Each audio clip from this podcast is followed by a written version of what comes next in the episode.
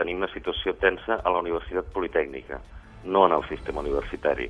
Però les sis universitats restants van tancar amb equilibri pressupostari i, com deia el rector de l'Autònoma, no té cap sentit el que hi hagin coaccions respecte a l'òrgan democràticament escollit que ha estat el Consell Govern de l'Autònoma. Per tant, hi ha un transfons polític davant d'una situació complicada que és real i que és veritat de la Universitat Politècnica.